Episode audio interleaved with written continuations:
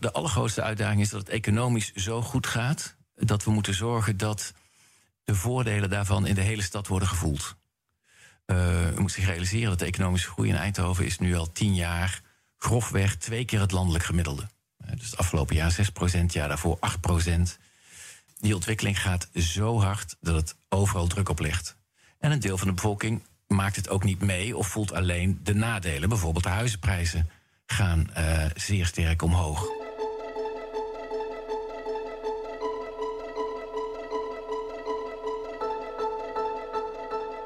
Dit is de burgemeester van Eindhoven, Jeroen Dijsselbloem. Nog niet zo heel lang geleden was hij de minister van Financiën. Hij zei dit onlangs op BNR Nieuwsradio. Brabant gaat dus als een raket. Maar ja, hoe houd je dat vol? En met welke bijeffecten heeft de regio zoal te dealen?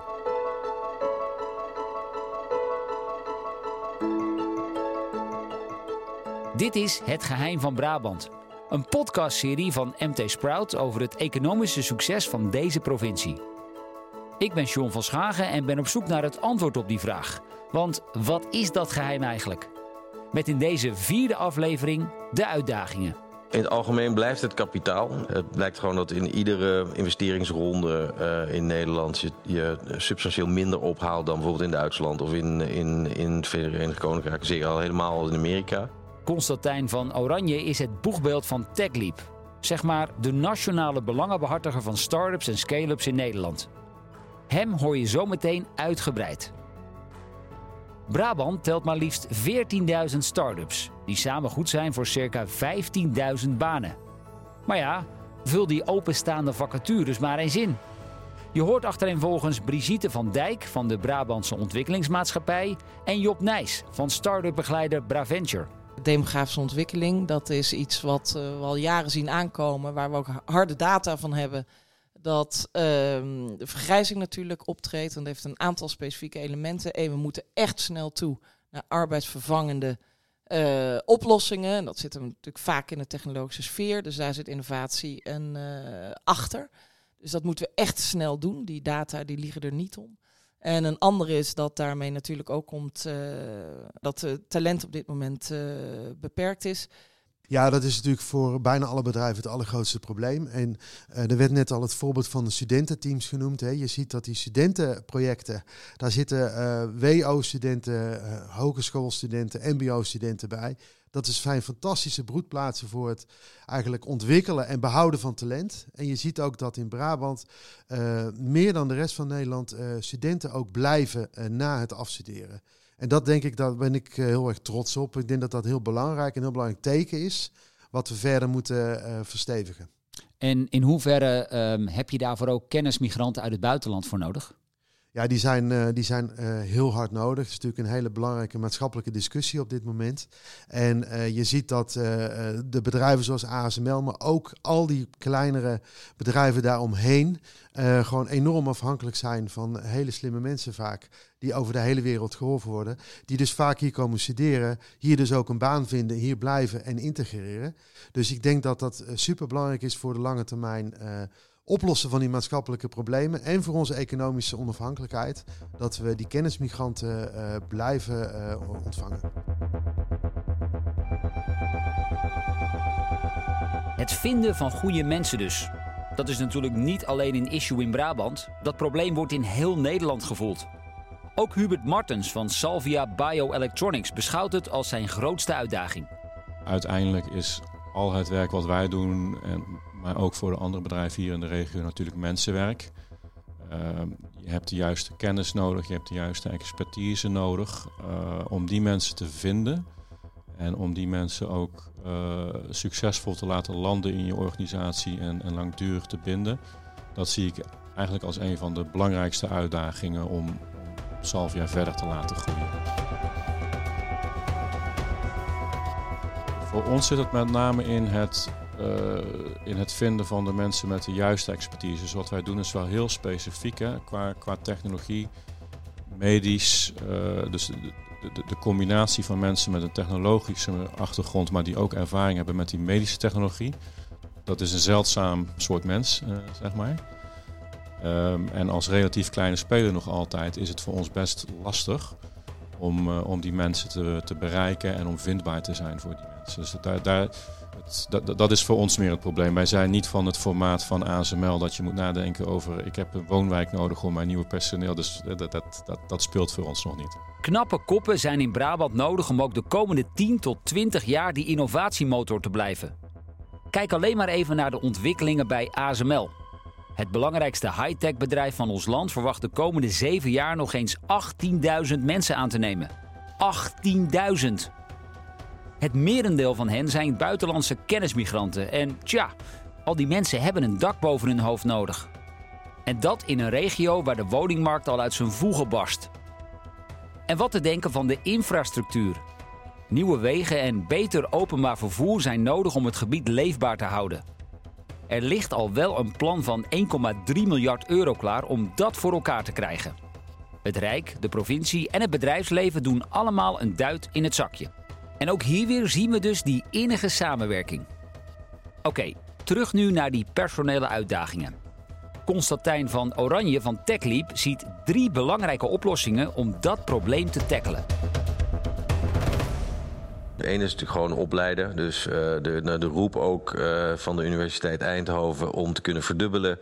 Uh, die roep hoor je natuurlijk ook van ASML en van allerlei bedrijven. Um, en dat talent komt dan uit Nederland, um, maar ook uit het buitenland. En dat je die studenten, de buitenlandse studenten ook weet vast te houden. Dus, dus gewoon meer, op, meer en beter opleiden. Zorgen dat de opleidingen beter aansluiten bij, bij de vraag in de markt. Dus dat is denk ik wat je sowieso zou moeten doen. Dan maak het aantrekkelijk voor buitenlands talent om hier te komen. Nou, we hebben al start-up visa hebben we uitgebreid. En, uh, maar ook uh, de kennismigrantenregeling en ook een, een, een expertregeling van 30% is absoluut cruciaal. Want daarom uh, komen bedrijven hier, vestigen ze hier, vestigen mensen zich hier.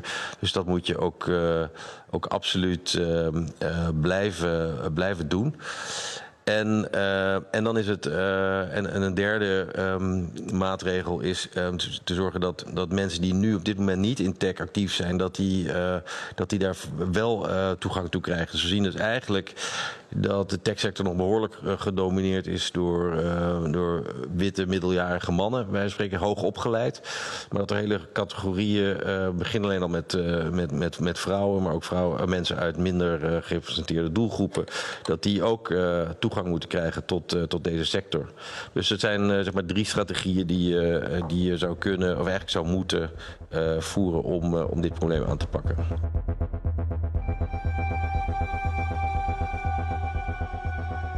En dan van mensen naar kapitaal. Dat hoorde je net al even. Ook dat is een probleem voor het spel dat start-ups en scale-ups in Brabant willen spelen. Bedrijven in Silicon Valley, Engeland, maar ook Israël worden structureel hoger gefund. In Israël heeft de, overheid heel actief beleid gevoerd om uh, venture capital fondsen naar, uh, naar Israël te halen. Dus als dan een fonds uh, zich vestigde uit, uit Amerika, dan, dan legde de overheid daar per dollar geïnvesteerd vermogen nog een paar dollar bij. Dat hebben ze in Singapore ook gedaan. En dat, dat heeft een enorme kickstart gegeven aan de venture capital industrie in Israël. En nu zie je dat, dat, dat natuurlijk Amerikaanse fondsen daar nog steeds wel zitten, maar dat vooral eigenlijk eigen Israëlische fondsen zijn die daar, die daar de dienst uitmaken. Dus dat is een actief uh, beleid geweest. En dat hebben wij in, uh, in Nederland uh, niet, niet gedaan. Wat we ook niet hebben, zoals in Engeland, is dat je via fiscale maatregelen stimuleert dat mensen in, in die hele vroege fase gaan investeren als particulieren.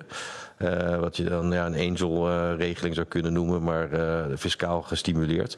En, dus er zijn dingen die overheden kunnen doen om dat, om dat aan te jagen. Maar dat in Nederland is dat helaas nog uh, minder het geval. Zeker voor deep tech uh, uh, zie je gewoon dat er meer geld nodig is. Dat het langer duurt voordat dat geld terugverdiend wordt. Want meer geld, dan heb je het over, dat gaat met tientallen miljoenen tegelijk. Gaat met tientallen miljoenen. Hè. Dus als we fotonica hebben of de kwantumtechnologie. Dit is Job Nijs weer van Braventure. Dan gaat het over, over honderden miljoenen miljarden die er nodig zijn om een industrie op te bouwen. En dat is wat maar leg doen. nou dat eens uit aan mijn moeder van 75. Wa waarom is daar zoveel geld voor nodig? Een labruimte kan zo anderhalf, ik zeg even anderhalf miljoen, maar dat kan nog, nog veel duurder zijn. Een cleanroom uh, waar je stofvrij kan werken uh, is enorm duur. Dus alleen al de faciliteiten die je nodig hebt. Maar daarna kan het soms wel tien jaar duren uh, om een idee wat in een laboratorium werkt productie klaar te krijgen. Om op schaal te gaan produceren. Exact. En dan heb je dus nog geen omzet gehad. Dus dan heb je tien jaar lang alleen maar uitgaven gehad. Wie gaan die uitgaven financieren? En het kans dat het lukt, uh, dat weet je van tevoren. Weet je, die tien jaar, als je begint, weet je dat nog niet of het wel gaat lukken. Dus je hebt dan mensen nodig, of partijen nodig, die zeggen: Wij gaan jou uh, door die tien jaar heen loodsen. En we gaan dat financieren. In de hoop dat je die maatschappelijke impact uh, na tien jaar wel kan halen als dan zo'n financiering tot stand komt, en dan heb je het over 10, 20 miljoen. Hè, tegelijkertijd zijn dat soort bedragen peanuts als je ziet wat er in Amerika omgaat. Dus is dat probleem überhaupt oplosbaar? Of hebben we daar gewoon mee te dealen omdat we zo'n klein land zijn? Nou, ik denk dat we vooral ook Europees moeten denken. En je ziet wel dat uh, Amerika gaat heel veel geld in. In China is de overheid een enorme grote investeerder. En wij zullen in Europa onze eigen manier moeten vinden. Uh, dus wij hebben bijvoorbeeld weer door die 150 jaar ervaring die we hebben met uh, fantastische innovaties in de markt zetten, hebben we daar weer een voorsprong. Dus we kunnen het ook slimmer doen, is mijn overtuiging. En slimmer betekent dat je minder geld nodig hebt. Exact, exact. Dus ik zeg niet dat we het uh, met een factor, uh, dat we het met 10% van het geld kunnen doen, maar misschien wel met 50.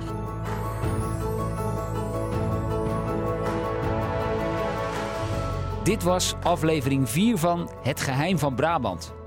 Graag wijs ik je nog even op de Brabant 40. Een lijst met de 40 meest veelbelovende start-ups uit de provincie. Meer info vind je op mtsprout.nl slash Brabant40. In de vijfde en laatste aflevering ga ik in gesprek met de winnaar van deze lijst. Tot de volgende podcast.